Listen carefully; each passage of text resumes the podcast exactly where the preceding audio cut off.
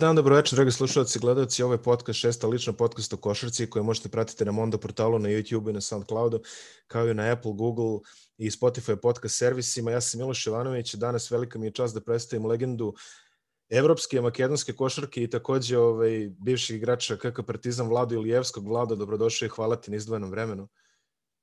Dobro vas našao, hvala i vama na, na pozivu. Baš sam baš mi je drago što, što, što ćemo pričati o košarku.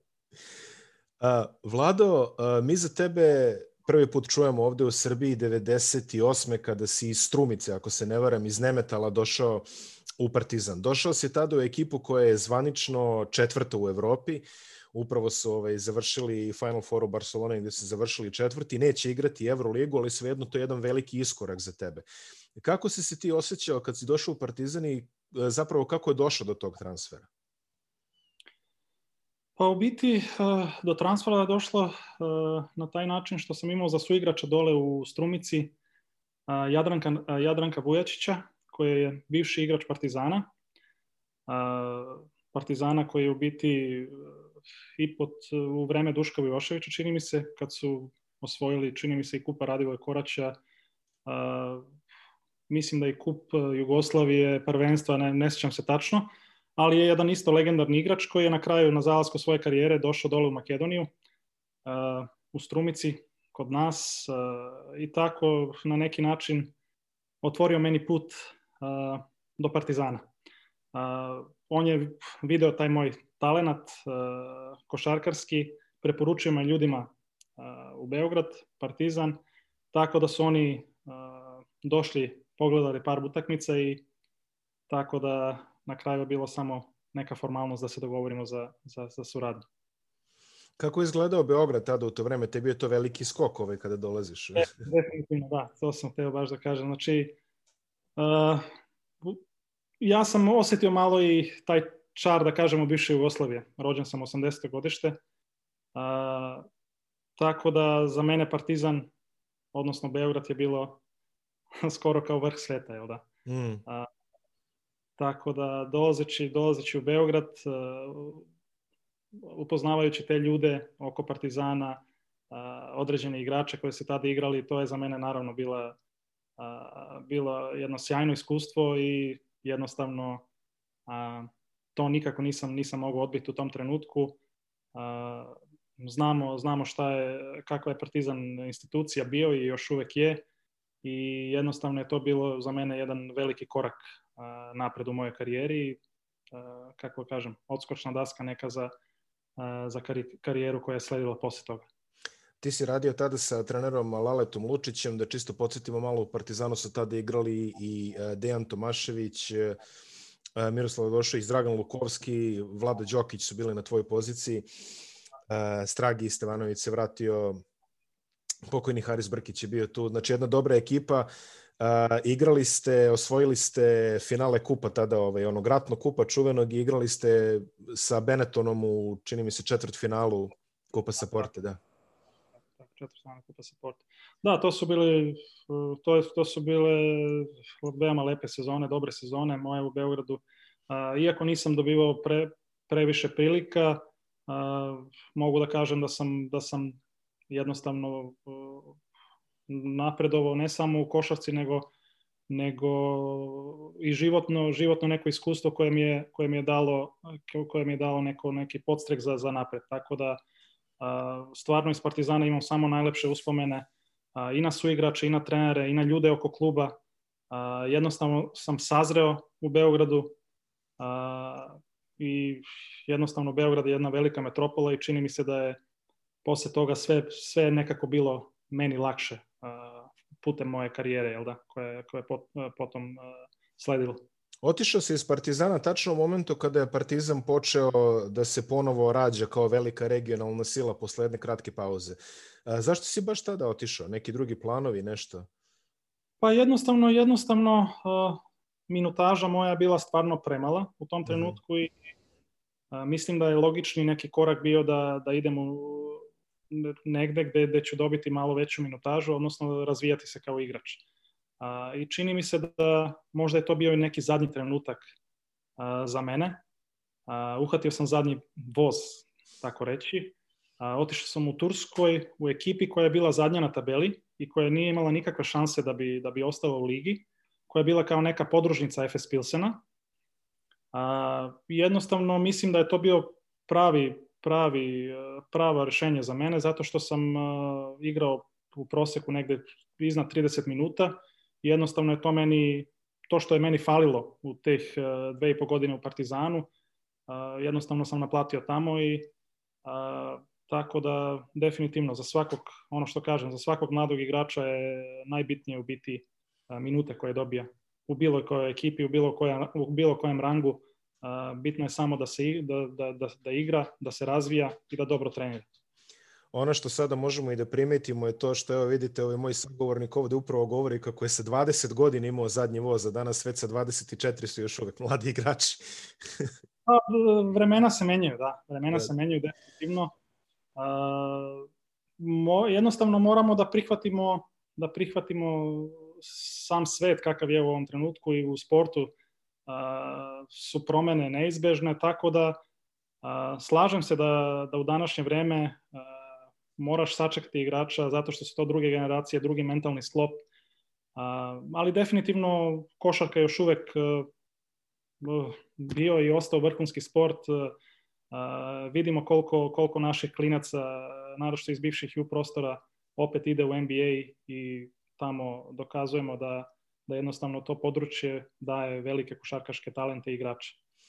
Ako bi neko želeo da vidi ove tvoje utakmice u kojoj si odigrao dobro u Partizanu, ispravi me ako grešim, ali ja mislim da si dobio nešto više minuta i nešto stvario nešto veći utisak, utisak protiv AEK-a u Beogradu, da je to bilo utakmica u Kupa Saporte, gde si imao dobar učinak. Tako da eko, ako neko nađe ovaj, taj meč, mislim da bi to mogao da pogleda.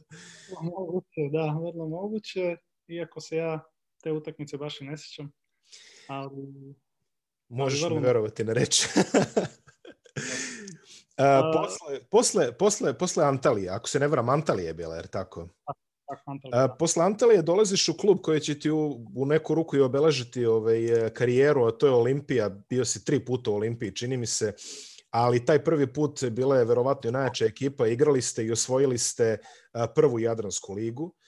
A, zapravo, ako se ne varam, imao si tu priliku da igraš u prvoj ikada utakmici Jadranske lige, koja je odigrana još tamo 29. septembra. Čini da je to bilo Olimpija protiv ne znam koga, ali naći će se podatak. Mislim, možda čak i Krka ili tako nešto. A, to je bila dobra ekipa. Zdovc, Golemac, Irži Velš, Beno Udrih, Mojezinović. Hukić, Tunđi Avođobi. Da, čuveni. čuveni. da. Stipe Modrić baš sam pre neki dan, bilo je na Instagramu od, od današnje ekipe CDVite Olimpije, baš taj trenut, mislim taj datum koji smo, kojem smo mi osvojili tu prvu Jadransku ligu i bila je baš slika ekipe, tako da sam pogledao sve te momke.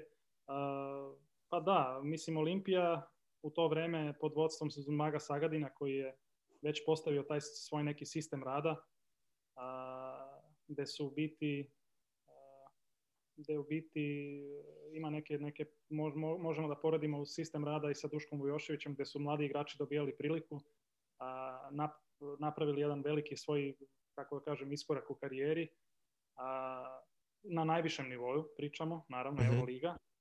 A, tako da, kako ste umenuli, i Irži Velš, i Beno Udrih, i ja, i Jasmin Kukić, svi smo mi došli kao osam, sa 18, sa 19, sa 20 godina, i svi posle toga smo napravili neke lepe karijere. A, tako da ta sezona je bila baš onako e, dobra što se tiče i rezultata. A, jednostavno ekipa je bila stvorena za to da, da, da, da atakuje na, naj, na najviše možno na, na te titule, sve koje, se, koje, koje su bile dostupne te sezone. Znači osvojili smo tu uh, Jadransku ligu po prvi put. Uh, mis, nisam siguran, ali mislim da da smo uspeli možda i u top 16 uh, Euroligu igrati te sezone. Uh, tako da osvojili naravno slovenački kup prvenstvo, to je bilo uh, to je bilo svakogodišnja da kažemo sigurna neka ne, sigurni neki trofej koje je Olimpija osvajala, ali definitivno Zmago Sagadin mi je taj koji je koji je, kako da kažem, koji mi je dao ruku u vreme kada jel da nisam dobio te, tu, tu priliku na vrhunskom nivou u Partizanu, tako da pokazao sam e, i sebi i ostalima da, da imam taj neki potencijal za dobrog, dobrog vrhunskog igrača. Jel da? tako da od tu napred čini mi se da, da je karijera išla na gore, to definitivno. A, ostao sam dužan tu informaciju. Prva utakmica je bila protiv Širokog ikada. Olimpija Široki je bila prva utakmica u istoriji Jadranske lige, a finale je bilo Olimpija Krka. Tako da, eto... Ovaj... A, Krka, da, tako. tako. Uh, Final Four. Uh, posle, posle dve godine Olimpije, ili možda čak i tri, tri godine Olimpije, čini mi se, uh, odlaziš u vrhunski klub, odlaziš u prvaka Evrope, dolaziš u Barcelonu. Uh, Barcelona koja je osvojila svoju, čini mi se, prvu titulu tada sa, sa Karijem Pešićem kao trenerom i ti zatičeš jednu stvarno neverovatnu ekipu. Znači, Kari je i dalje bio trener, uh, Dejan Bodiroga je bio tu, uh, za, se ovako se, da, bio je Navarro, bio je Gregor da, Fućka. Navarro, da, De La Fuente, Dueñas, Nacho Rodriguez, danas. Margasol. Marga Sol je bio tada klinac, da. Da, da. E, ostao si dve sezone. E, kako je to izgledalo biti u jednom takvom apsolutnom super klubu tih godina? Pa definitivno još jedan onako veliki, veliki iskorak za mene u tom trenutku. A, veliko, jedno veliko iskustvo, velika, kako da kažem, a, jednostavno Barsa, Barsa je gigant a, u svim sportovima a, tako da uživao sam tih, tih dve godina, imali smo i dobre rezultate. A, prve godine smo osvojili prvenstvo, druge godine super kup. A, igrali smo top 16 a, obe dve godine. Prve godine smo imali malo nesreće da, da nismo uspeli da uđemo na Final Four, samo zbog toga što nam se Fučka povredio, znači jedan od nosioca naše igre se povredio i bio je baš u vreme top 16 u to vreme taj sistem jel da Eurolige koji je tad funkcionirao. Tako da smo ostali bez njega i na njegovom mjestu je tad bio mora uskočiti u to vreme Anderson Varežao, isto poznati igrač koji igra u Clevelandu sa Lebronom, jel da? A, koji je tad mislim da je bio 19 godina star. Tako da smo morali na toj poziciji 4 a, koju posle on u NBA-u nikad nije igrao, nego je bio stalno na poziciji 5. Da igrati taj top 16 i jednostavno tu smo možda za pobedu uh, izvisili za taj Final Four. Uh, druge godine, druge godine je došlo do, do neke, uh, kako da kažem, uh, prekid komunikacije između trenera Karija Pešića i vodstva Barcelone, tako da je on uh, otišao, što je bila za mene onako malo negativna stvar u tom trenutku došao je novi trener Španac koji nije imao nekog, nekog prevelikog iskustva. Jednostavno ta je sezona bila, iako smo krenuli odlično, i čini mi se da smo imali u jednom trenutku, ne znam, da li u Euroligi ili sve skupa sa španskim prvenstvom smo imali jedno 15 pobjeda za redom.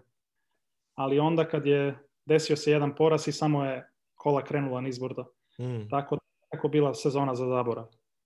A, tako da možda malo na kraju jedan, uh, jedno malo razočarenje u smislu malo onako grenak uh, uh, ono ukus završetka te druge sezone, ali kao što sam rekao pre, Barcelona stvarno gigant i organizacijski i onako jednostavno te, te sili da, da u biti da se osjećaš kao deo porodice i u biti taj identitet, da kažemo, u Kataloniji, odnosno i među, među svim sportistima koji su, koji su uh, deo Barse, te tera da, da, da daš 100% na svakoj utakmici i da, da jednostavno hoćeš da budeš najbolji, hoćeš da, da, da postižeš najbolje rezultate. Um, imao si priliku, kao što smo rekli, da u Barsi sarađuješ sa, ovaj, sa Svetislavom Pešićem, jednim od najvećih trenera ove generacije jugoslovenske škole. Kako je izgledalo to iskustvo? Ti si već manje više bio naviknut, malo da kažem, kod Zmaga Sagadina koji je relativno sličan.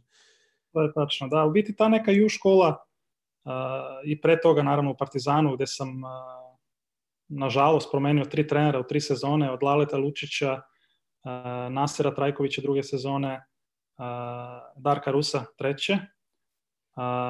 Imao sam nekog iskustva, naravno, s jugoslovenskim tim vrhunskim trenerima, da kažem, tako kažem. Zmago Sagadin posle toga. tako da Kari, Kari je, naravno, među najboljim trenera, trenerima svih vremena u Europi i u svetu. onako, jednostavno čovek koji, koji je radnik, koji 24 sata radi košarku, misli košarku, a, i stvarno je bilo jedno, jedno neprecenljivo iskustvo. A, s druge strane, a, mislim da je onako čovek sa velikim srcem, a, koji mi je puno pomogao u tim nekim početnim trenucima a, i jednostavno tera, tera ekipu, tera svakog igrača da bude na, na, na, na maksimum, što je u današnje vreme preko potrebno da bi ti održavao neki nivo, vrhunski nivo, jel da, igranja košarke.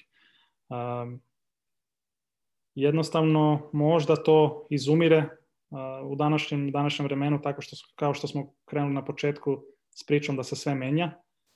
Čini mi se da, da danas možda treneri nisu tako zahtevni, a s druge strane jednostavno se očekuje od svakog pojedinca a, igrača da, da možda i sam individualno a, sebe nekako umesti a, odnosno svojim radom, svojim zalaganjem odnos, a, da, da bude na nekom maksimumu jel da, za svaku utakmicu. A, nekad to nije bilo tako, nekad a, ti je trener bio skoro kao drugi otac i zahtevao od tebe da, da jednostavno budeš na tom maksimumu. Ali to je taj profesionalizam koji ide koji ide prema, kako da kažem,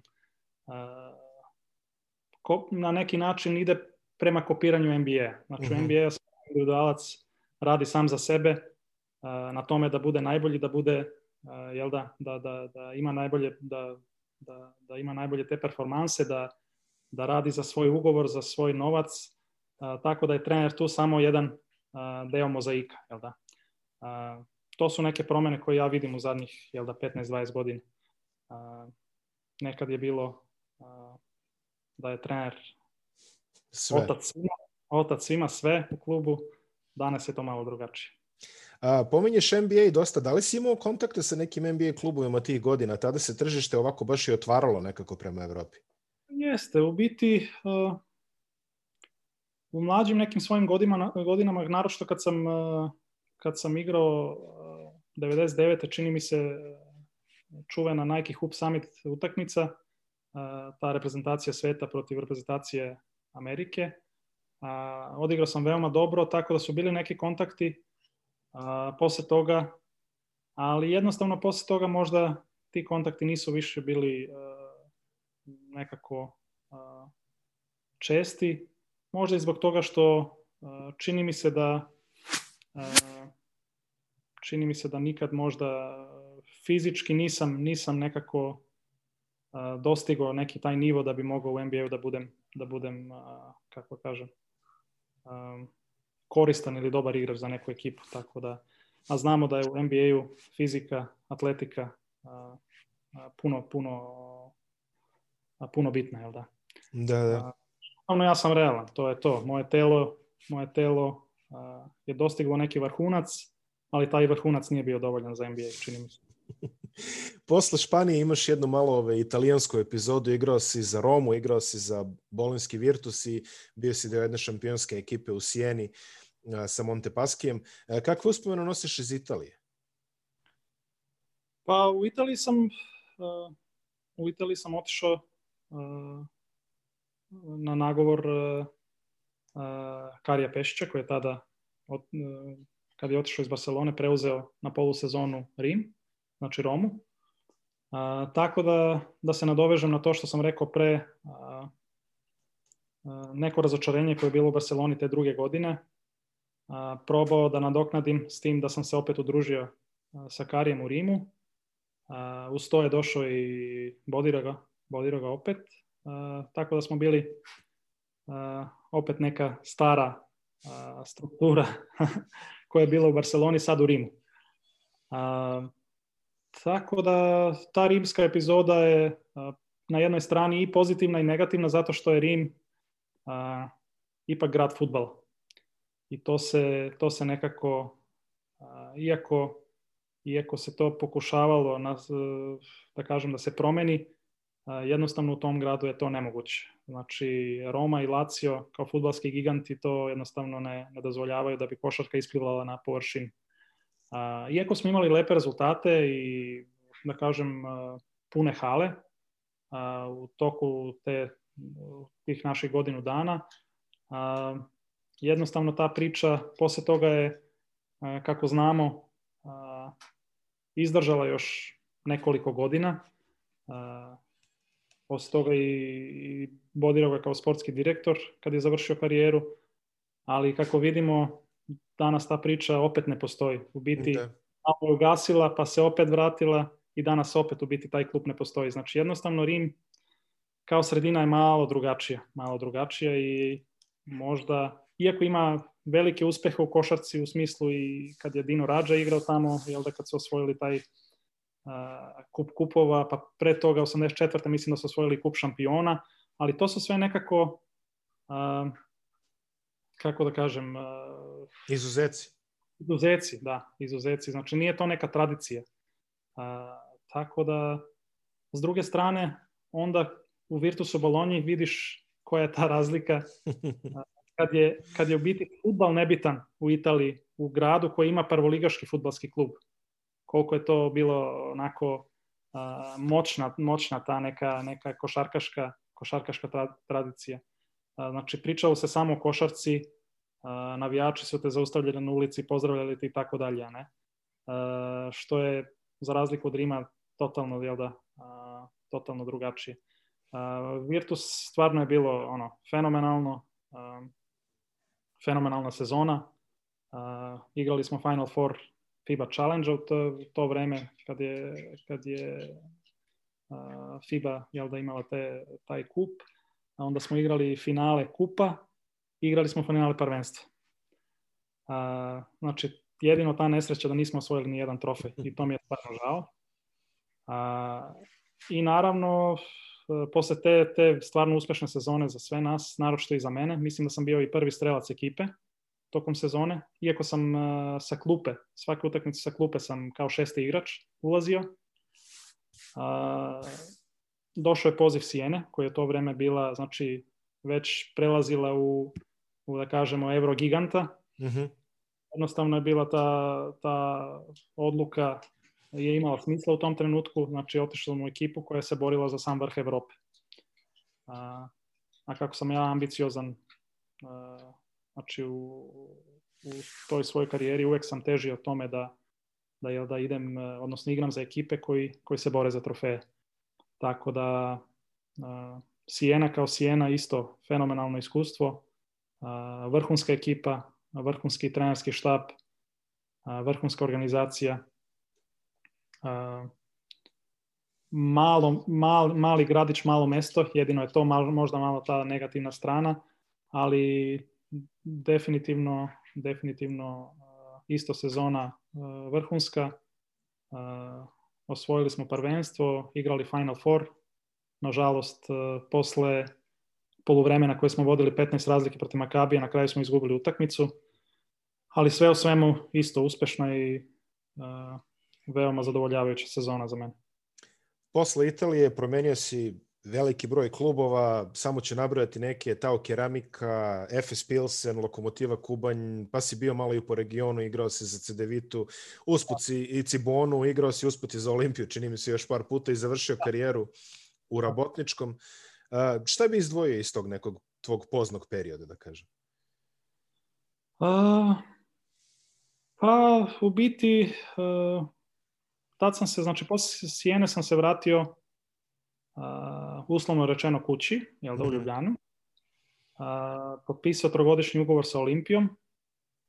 Uh, ali sve to bilo nekako uh, u to vreme uh, sam imao malo nesreću uh, pojavili se neki zdravstveni problemi povezane s mojom porodicom. Tako da je sve to nekako uh, bilo povezano s tim posle godinu dana posle tog ugovora je sledila i moja prva i, i odmah jedna teža povreda, gde sam operirao zadnju ložu, levu. Tako da je sve skupa onako malo negativne stvari su se mi onako nakupile, ali kao što sam rekao, ja se ne predajem, ja sam ambiciozan, tako da sam i u tih 5-6 godina svoje profesionalne karijere a, imao velikih uspeha. A, sa Olimpijom 2010-2011 smo imali ba, baš sjajnu sezonu.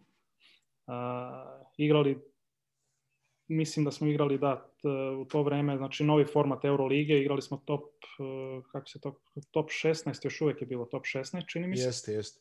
Jurez Dovs nam je bio trener. A, igrali smo finale ABA lige protiv Partizana u Stožicama.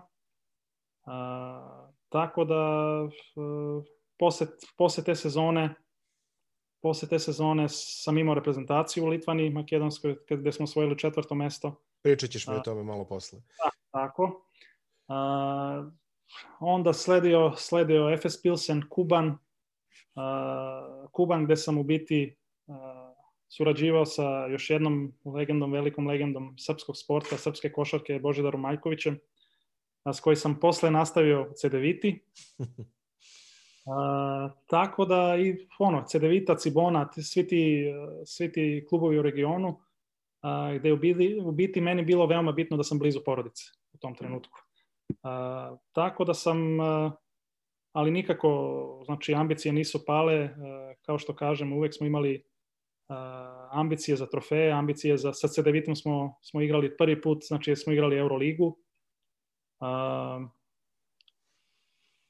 I na kraju, naravno, rabotnički gde sam nekako činilo mi se najispravnije da, da završim svoju karijeru u uh, svojoj rodnoj zemlji, Makedoniji, u klubu koji je jel da, najviše dao makedonskoj košarci i gde sam isto uživao isto tih godinu dana. Um, tako da mogu da kažem da da taj period koliko god uh, uh, možda s, malo sam više menjavao klubove uh, jednostavno uh, imao kao što kažem neka, neka malo nekih uh, porodičnih u biti problema zdra, zdravstvene prirode koji su me terale da budem blizu porodici ali jednostavno mislim da, da, da iz te strane u biti uh, da je nekako mene ispunjivalo kao, kao sportistu, kao koš, košarkaša, tako da a, nemam šta reći, mislim, ono, a, završio sam karijeru, ono, a, i sam sam sebi rekao da jednostavno sam dao sve što sam mogao i košarci i sebi a, i čini mi se da, da, da ne mogu biti zadovoljniji od toga. A, pominjali smo reprezentaciju Makedonije, ti si debitovao 99. na Eurobasketu u Francuskoj, ali ono pravo što, si, što, što svi pamtimo zapravo Eurobasket 2011. u Litvani, Makedonija je tada otišla s jednom solidnom reprezentacijom, možda ajde malo da kažemo ispod radara, pored tebe tu su bili Bome Caleb, Pero Antić, Vojden i Damjan Stojanovski, Todor Gečevski je takođe ovaj, bio tu, Predrag Samrđiski i, i tako dosta nama poznatih likova ovako. Ali eto, tada ih nekako prvi put vidimo sve na istom mestu. Vi otvarate turnir porazom od Crne Gore u produžetku i od tada nekako sve kreće kako treba zajedno sa tom čuvenom četvrtfinalnom utakmicom protiv Litvanije koju si ti rešio trojkom. Tako da, ajde, pričaj nam malo o tom Eurobasketu, kako je sve izgledalo, kako ste otišli. Pa, iskreno rečeno nekako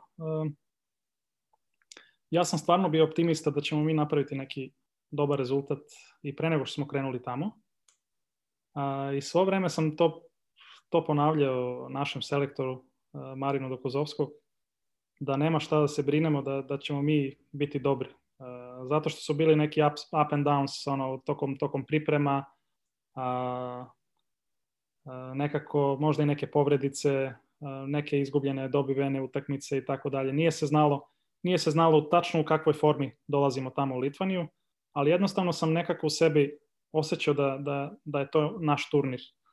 A, razočarenje posle prve utakmice, naravno, u produžetku je bilo veliko, ali jednostavno posle druge, kad smo dobili, mislim da Hrvatsku, Dva razlike. A, da, dva razlike.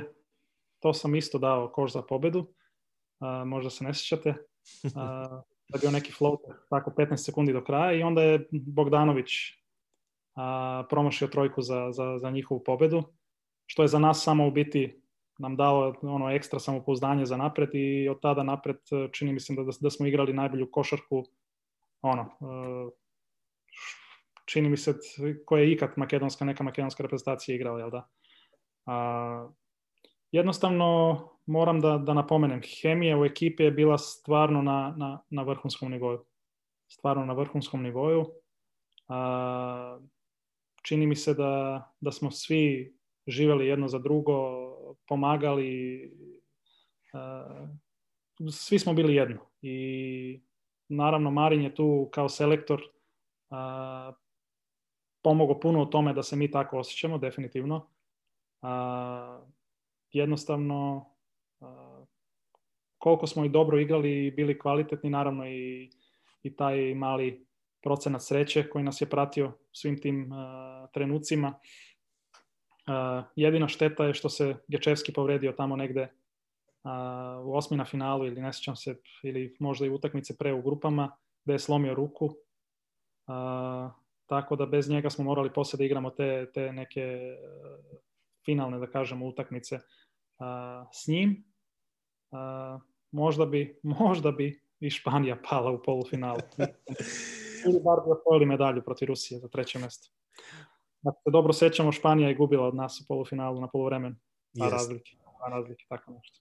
Ali juče sam zapravo opet gledao taj finish e, protiv Litvanije i pokušao sam e, na, na YouTube ima jedan sjajan snimak koji je recimo negde iza koša, ali malo iskosa, u kome se može dobro videti kakav je opšti haos bio taj poslednji napad ovaj, Makedonije, u kojem...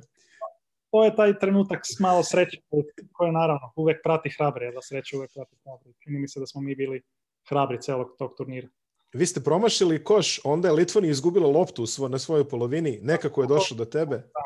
Izgubilo, izgubili su loptu na takav način, najvjerojatnije hiljadu puta da je, da je to dodao, taj igrač koji je dodao u prazno, da to ne bi napravio.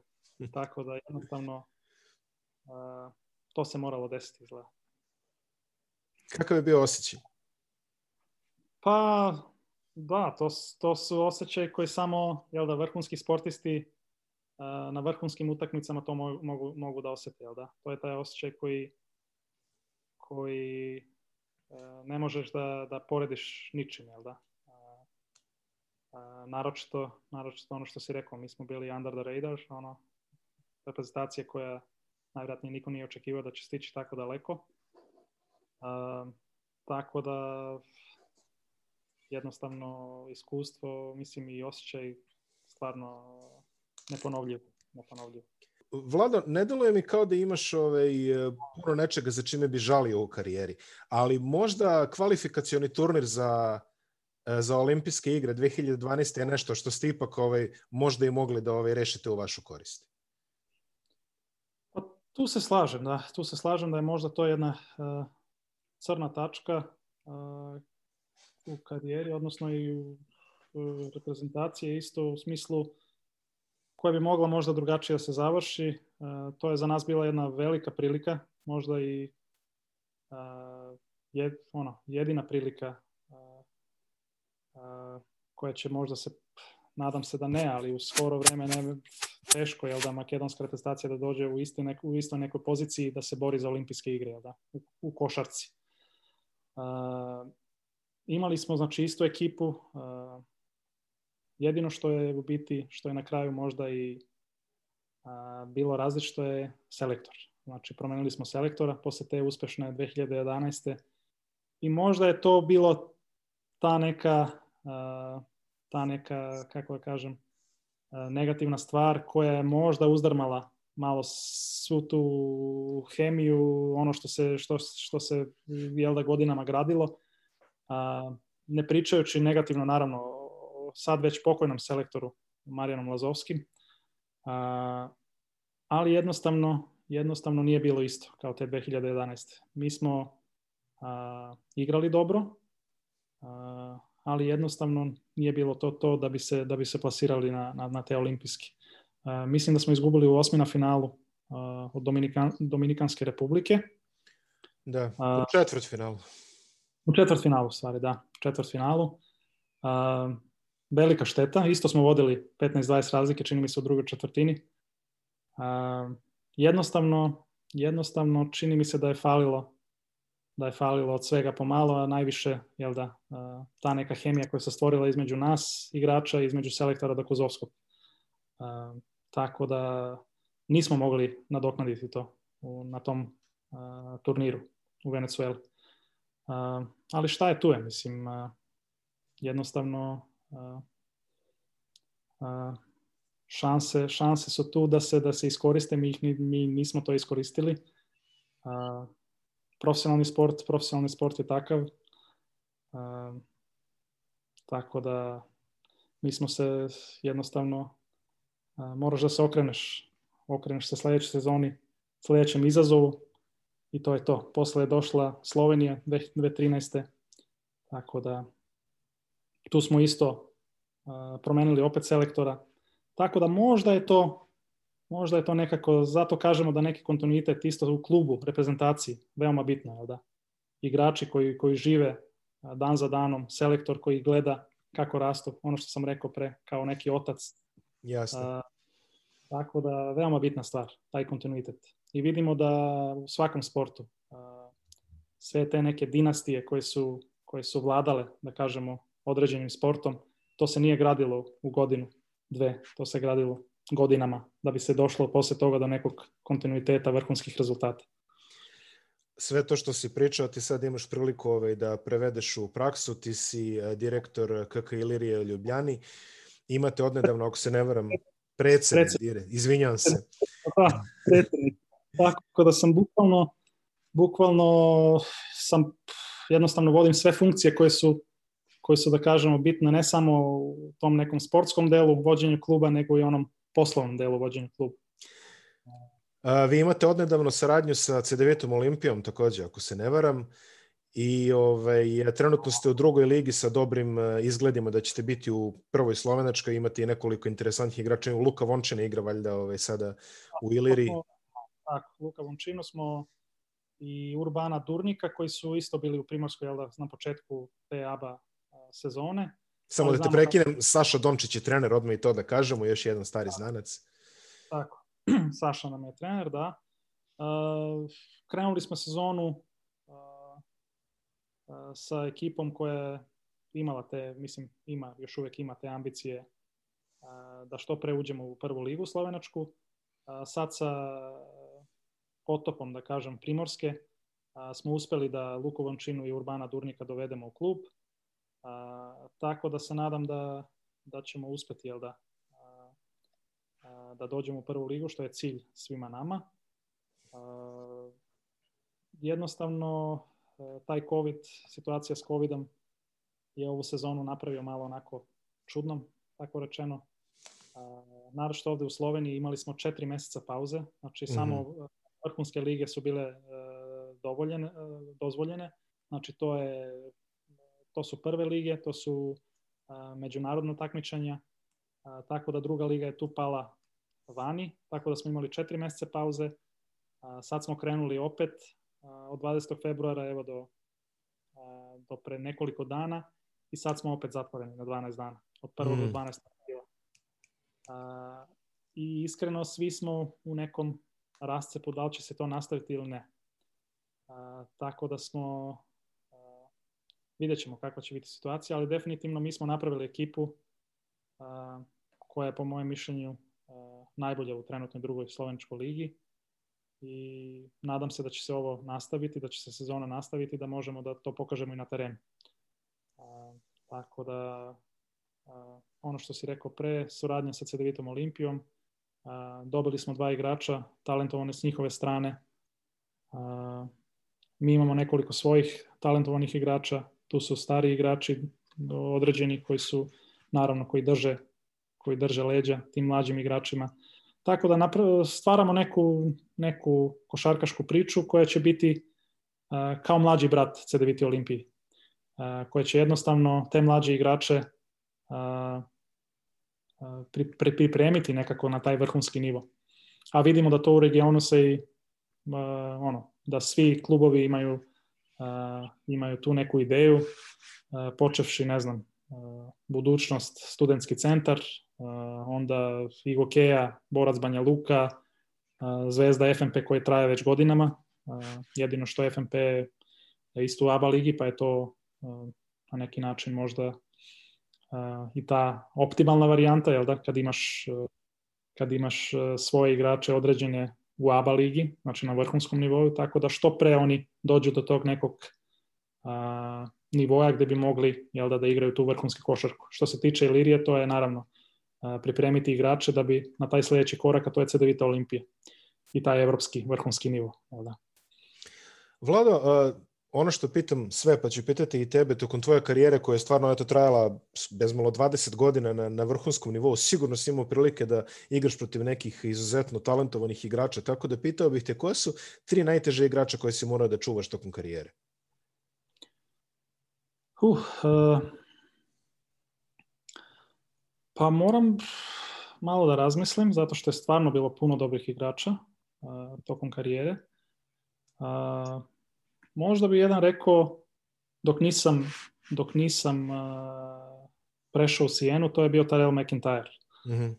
I igrač koji je stvarno uh, tih godina vladao Euroligom na toj playmakerskoj poziciji uh, i stvarno je i u sezoni kad sam ja bio tamo i pre toga i posle toga igrao perfektno. Znači stvarno uh, igrač koji je bio staturom manje od 180, ali jednostavno je uh, prerastao u stvarno vrhunskog, vrhunskog playmakera. Uh, posle su ga malo povrede, povrede su ga malo uh, uh, kako da kažem, usporile uh, s, nekako nije mogao više, posle kad je prešao Malago, čini mi se da nije više bio na istom nivou i vrlo brzo se u biti uh, penzionisu. Uh, to je sigurno jedan igrač koji je stvarno uh, ostavio na meni veliki, uh, veliki utisak. Uh,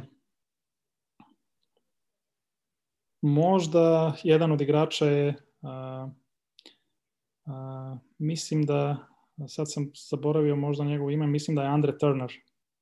Uh, to je onaj igrač uh, mislim da je Andre Turner, da u Tau Ceramiki veliko, veliki broj godina mislim da je igrao posle u Real Madridu.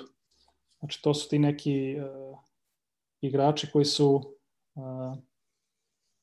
koji su, kako da kažem, stavio bi tu i Tajesa Ednija. Mhm. Znači, to su igrači, da, uh, manji igrači koji jednostavno su, imaju tu neku brzinu, uh, mogu da daju koš, u smislu koš geteri, uh, isto razmišljaju o ekipi, asistiraju, tako da su dobri u odbrani, tako da su baš vrhunski, vrhunski igrači. Uh, pričamo o Amerikancima, naravno, da, e, svo vreme. E, e, to je možda i taj naš problem godinama sada da samo u Evropi stvorimo playmakere, jel da? Evropske ili, kako kažem, ovde kod nas u regionu. Kod nas u regionu moram da pomenem Teodosića, naravno, s kojim nisam igrao previše puta jedno proti drugom, Uh, on je tada možda, sećam se, Siena Olimpijakos, on je bio Olimpijakos, ali to je bio 19-godišnji momak ili 18-godišnji momak, ne sećam se u tom trenutku mm -hmm. razvijao, tako da uh, i sećam se jedne utakmice na nekom turniru reprezentacije, odnosno igrali smo i u Sloveniji, da, jedno, ali u stvari ne, nije bio u Sloveniji, čini mi se. Čini mi se da nije bio u Sloveniji. 13. je propustio, čini mi se, ceo turnir. Da, propustio, jel da, da, tako, da. tako. Znači, Znači, mislim da je bio neki turnir 2011. Eh, pre Litvanije, čini mi se da je bio turnir Eksiju država u Sloveniji, tad smo jedno proti drugom, ali definitivno ono što svi ga gledamo, svi ga obožavamo na neki način zato što on se igra košarke i uh, definitivno je ostavio veliki trag uh, u ovoj evropskoj uh, košarci. Uh, tako da uh, ja se, ja se stvarno nadam da, da mi ovde u regionu a, imamo klince koji bi mogli na toj poziciji a, a, kako da kažem, da nastave neku tradiciju tih vrhunskih playmakera, XU playmakera. zadnjih, zadnjih nekoliko godina vidimo da to nije baš slučaj, ali iskreno se nadam, iskreno se nadam da će taj trend da se promeni. Kao što vidimo, neke stvari u Zvezdi, u Partizanu se već počeli da, da se menjaju u smislu da to da, da mora da se okrenemo mlađim, našim, uslovno rečeno našim igračima. Da? A, tako da playmakerska pozicija ono što mogu da kažem je stvarno senzitivna u smislu da moraš da imaš neku podršku i od strane trenera i od strane kluba i od strane suigrača uh, da bi ti prerastao u, da, jel da, u igrača koji će da vodi ekipu uh, jedan dan. Uh, tako da treba imati strpljenja, treba imati tu neku, kako da kažem, volju, želju i klub i trener da bi od nekog princa napravili vrhunskog playmakera. Za mene je to najteža, najteža pozicija u smislu uh, koja, koja, koja, koja može da se, jel da, uh, da se stvori u ovom trenutku u košarci. A, Vlado, pošto znam da imam slušalce ove, iz, iz Makedonije, ono što bih volao da te pitam je, ovaj, pre tebe imali smo naravno Petrana u Moskog, onda je došao taj Vlado Ilijevski, a, a kako trenutno izgleda po tebi košarkaška scena u Makedoniji, e, možda je malo, ajde, trenutno kažemo sporija zbog zbog e, statusa u ABA ligi, trenutno MZT pokušava opet da se probije i tako dalje, ali kako ti izgleda ovaj, sada budućnost makedonske košarke i vidiš nekoga perspektivnog e, tamo danas, e, možda čak i na tvojoj poziciji? Pa, kao, kao i svugde u regionu, čini mi se da je u Makedoniji malo, kako kažem, pao neki taj nivo, taj neki kvalitet domaće košarke, domaćih igrača. Uh, jednostavno, jednostavno stvari se menjaju u smislu svi mi zavisimo jel da, od nekih uh, finansijskih uh, uslova. Uh, finansijski uslovi nisu najsjajniji, iako država u zadnjih godina pokušava da pomogne sportu u Makedoniji. Moram da kažem da je trenutno bolja situacija i naravno gde su financije sređene, tamo i uslovi za rad su bolji, jel da? A, treneri su dobro plaćeni i tako dalje, motivisani za rad i tako dalje. Tako da trenutno i na reprezentativnom nivoju rezultati su malo slabiji, što je očekivano, a, ali mislim da u Makedoniji kao i u regionu nikada ne fali klinaca. To je definitivno, jedino je samo način rada način rada i u tome koliko, koliko ćemo mi te klince isforsirati. A, tako da a, ja mislim da postoje klinci. A, drugi problem je možda taj što veoma rano odlaze iz države, što se dešava ne samo nama u Makedoniji, ja mislim u celom regionu. Znači već sa 14-15 godina svi razmišljaju o tome da da idu u neku, neki, ne znam, mladi pogon Real Madrida, Barcelona i tako dalje. Znači imamo taj primer, mi imamo a, klinca a, Teodor Simić mu je ime, on je već pre par godina već otišao u Barceloni, mislim da sa 14.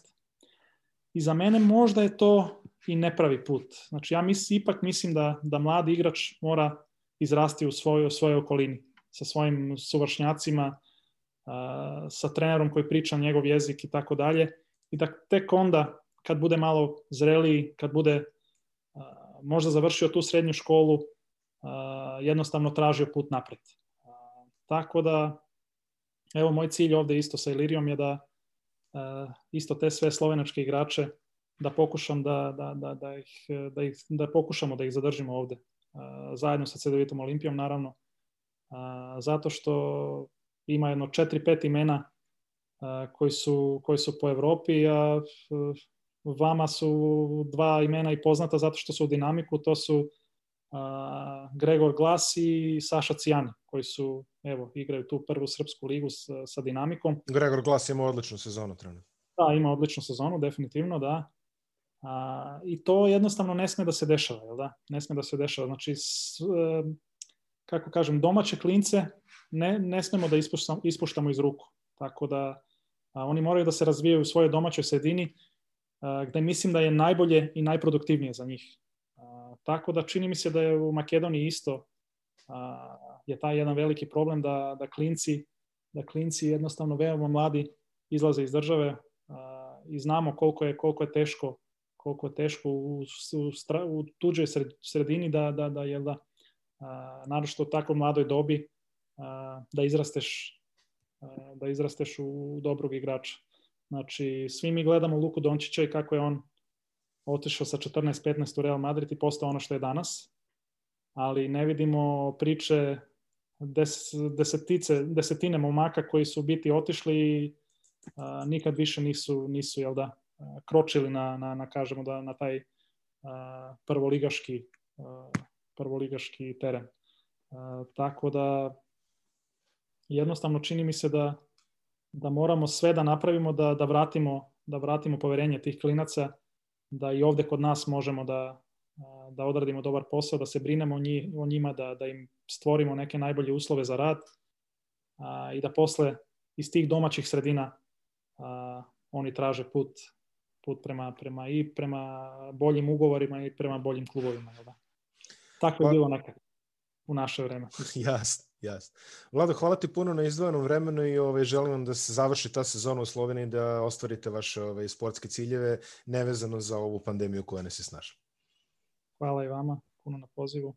Baš, je bilo, baš mi je bilo drago još jednom da pričamo malo o košarci i da a, jednostavno da svi, svi mi želimo da, da ovo sa, sa ovom pandemijom a, prestane i da opet sport bude a, bude neka, kako da kažem, dnevna, dnevna, na dnevnom redu, da kažemo, da, svaka da, da porodica da. regionu. Jasno. Hvala ti puno, Vlad. Da, hvala tebi.